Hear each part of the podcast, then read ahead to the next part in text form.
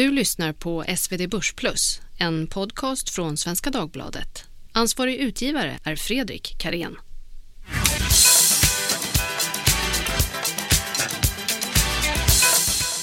Hej allihopa och välkomna till podcasten SvD Börsplus. Eh, jag heter Peter Benson och driver med ett antal kollegor analystjänsten SvD Börsplus. Eh, och eh, där har vi som idé att ge våra prenumeranter de bästa aktieidéerna för en långsiktigt bra avkastning. Och vi analyserar hundratals aktier varje år åt våra prenumeranter och ganska många av de här så kan man hitta gratis om man går in på svd.se borsplus eller www.borsplus.se.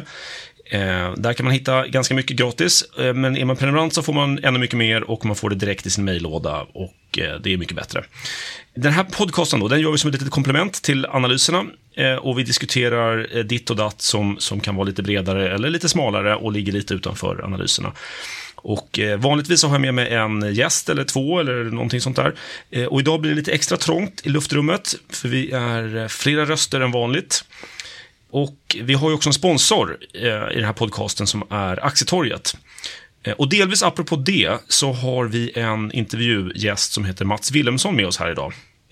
Och är man eh, inte fullt superung så vet man kanske med Mats är. Han var en smått legendarisk övervakningschef på börsen. Och sen har han varit med och grundat ett jätteintressant bolag som heter Skila som vi kan ägna några minuter åt. Och sen har han ett nytt bolag som heter Recall Capital som vi kommer ägna mer parten av tiden åt att resonera kring vad de håller på med. Eh, Men Mats, eh, hej förresten. Hej! Välkommen, vad kul att du är här. Tack så mycket. Det var flera Jättekul. år sedan vi träffades, men, men det känns redan som igår, eller vad man ska säga. Kan inte du berätta lite för eh, lyssnarna här om din bakgrund? Eh, Ja. Vem är du? Vad har du gjort? Ja, vem är jag? Vad har jag gjort? Jag, har, eh, jag började egentligen i, i finansbranschen som, som börsmäklare en gång för väldigt länge sedan. När vi hade golvhandel på Stockholmsbörsen och året var 1984. Och det höll jag på med i 13 år. Eh, nästa 13 år, det blev, jag insåg det häromdagen, det är lite intressant, 2 gånger 13. Nästa 13 år ägnar jag åt att övervaka värdepappershandel på, som du sa, Stockholms fondbörs. Eh, Jag var på Finansinspektionen, eh, på NGM och eh, i Dubai en sväng hos Nasdaq Dubai. Och eh, sen när jag var där nere så var vi några stycken som grundade Skila.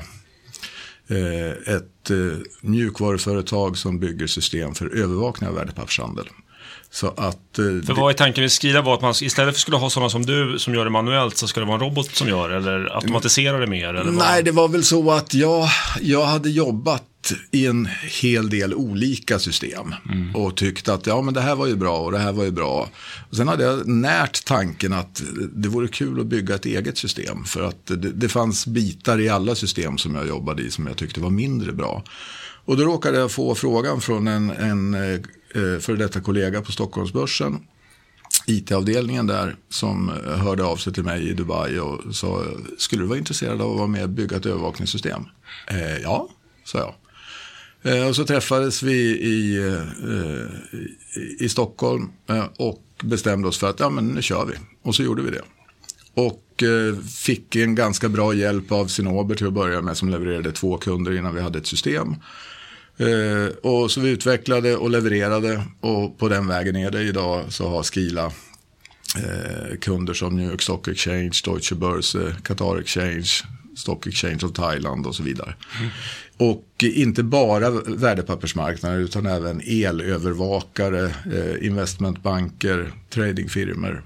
Eh, Så att eh, Kul. det har gått bra och eh, jag är inte operativ längre. Jag sitter i styrelsen och är delägare och tycker att det är precis lagom. Ja, kul. Men det, man kan säga att Skrida är en liten sån här oomsjungen pärla i den svenska fintech. Jag tänker det här med, ja, med Cinnober som du nämnde, som är ett fantastiskt bolag som nu är noterat men som är fortfarande lite under radarn. Det, det, det finns ett antal sådana här bolag som vi inte hör så mycket av. Ja. Som, som är globala och spännande och kul. Ja, vi var ju globala från början. Vår första kund var i Hongkong. Eh, och sen fick vi en kund i, i Sverige, Burgundy. Eh, men i övrigt så har vi... Salig i åminnelse. Ja, eh, i övrigt så har vi varit globala, eller är vi globala. Ja, just det. Kul. Men kan inte du berätta nu lite om Recall Capital? Och ni har en tjänst som heter Q2 Trade. Q2 Trade. Berätta lite om, om, om tjänsten först. Vad, vad går den ut på? Ja, eh, den går ut på att vi, vi har eh, Erecall Capital som vi har, eh, eh, som vi har kört nu i vad blir det, snart tre år. Så vi har haft en hel del olika affärsidéer un, un, under resans gång och sen har vi eh, ändrat i flykten. Eh, nu har vi landat i en som vi, som vi har viss framgång med och som vi tror på. Det är en långsiktig aktiv handelsmodell för att förbättra likviditeten, för att förbättra eh, beta och volatilitetsvärden i små och medelstora bolag som är noterade mm. och som ofta blir väldigt bortglömda. Kan man beskriva det som någon slags robotiserad likviditetsgaranti? Eller? Ja, alltså, likviditetsgaranten i, i eh, all ära eh, är ju en väldigt passiv tjänst som ibland kan verka hämmande på en kursutveckling mm. eftersom du, du kan ha så stora, så stora poster i orderboken så att du, ingen av de små eh, privatinvesterare som följer det här bolaget, för man ska komma ihåg att många av de här bolagen har ju inte jättemycket institutionella placerare utan det är privatpersoner. Mm. Och har du då en market maker som står med en stor volym och bromsar både upp och nedgång, då händer det inte så mycket. Nej, just det. Bara för, vi måste bara backa ett steg här känner jag. Mm. Eh, för likviditetsgaranti garanter då, eh, det är ju alltså eh, mäklarfirmor som åtar sig att mot betalning eh, eh ombesörja att det finns någon slags eh, eh, någon slags anständig miniminivå på handeln i små börsbolag. Och på First North är det väl ett krav att man ska ha en likviditetsgarant? Ja, alltså de garanterar ju faktiskt inte handeln. Nej. Utan de garanterar att det finns möjlighet att handla. Mm. Sen måste ju någon slå på de här priserna mm. för att det ska bli någon handel. Men de ställer i praktiken upp sig med en köp och en säljkurs ja. och lite olika volymer. På så... någon minimispread och minimivolym mm. och de kan stå på lite olika, på ett par nivåer mm. och så. Men det kräver ju att någon annan ska vara aktiv och göra någonting för, för att eh, du ska få till någon handel. Mm. Eh, vår modell jobbar lite, eh, lite annorlunda, det vill säga vi ställer aldrig några priser i några orderböcker, ytterst sällan. Eh, det, det, det, kan hända ibland om spreadarna har gått isär för mycket och eh, en betalkurs på biddet eller, eller på köp eller säljsidan skulle liksom bli för slagig. Då kan vi välja, då kan modellen välja att lägga en en order någonstans i mitten istället. Men typiskt sett, den enkla förklaringen av modellen det är att om det går upp eh, så säljer vi och om det går ner så köper vi. Mm. Eh, och har ni ett lager eller? Eh, den, ett värdepapperslager? Om, om, vi säger i den fullskaliga modellen så bygger det på att någon eh, större ägare ger oss ett aktielån. Ja. Som vi då har att jobba med. Just så det. att vi skaffar oss en viss likviditet mm. i kassan och sen har vi ett lager och sen så, så handlar vi. Just det. För er, er eh, ni har en kund som är ett börsbolag som vill eh, säkerställa att man har en acceptabel handel. Ja. Och, och det är det ni lever på. Och som vill förbättra handeln. Just det. Eh, och vad är, vad är bakgrunden till tjänsten, eh, till att ni startade firman? Ja, det var ju när, när vi, eh, vi gjorde en väldigt, eller vi har gjort en väldigt stor analys av egentligen alla noterade börsbolag i hela världen som har ett börsvärde mellan 9 och 125 miljoner dollar. Mm. Eh, för att titta på deras nyckeltal. Alltså mikrobolag, väldigt små bolag. Ja, mm. och det, det, där är också lite svårt. Small och midcap är en sak i Sverige. Sen ja, är det en helt ja. annan sak om du kliver till England och ännu en helt annan sak om du kliver till mm. USA. Mm.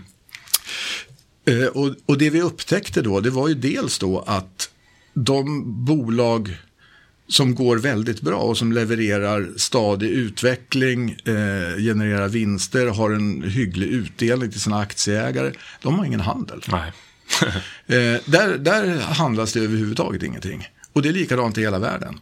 Eh, och resultatet som du levererar, ditt ebitda spelar, det har ingen som helst eh, bäring på vad du har för, för eh, aktiekurs. Mm -hmm. Utan aktiekursen är i princip en produkt av omsättningen i bolaget. Mm.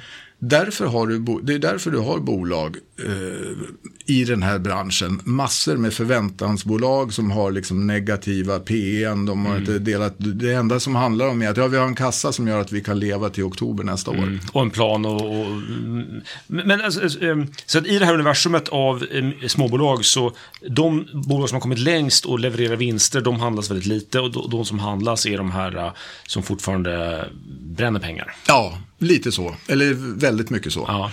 Och då, då kom vi fram med den här modellen, eh, Q2 Trade, som ska långsiktigt förbättra, för de, även de här bolagen, de bolagen som har väldigt liten handel, de har ju också hö, hög volla ofta, alltså hög rörlighet, slagighet, för att de, det, det är så pass lite handel så det hinner hända jättemycket i hela marknaden mellan två avslut.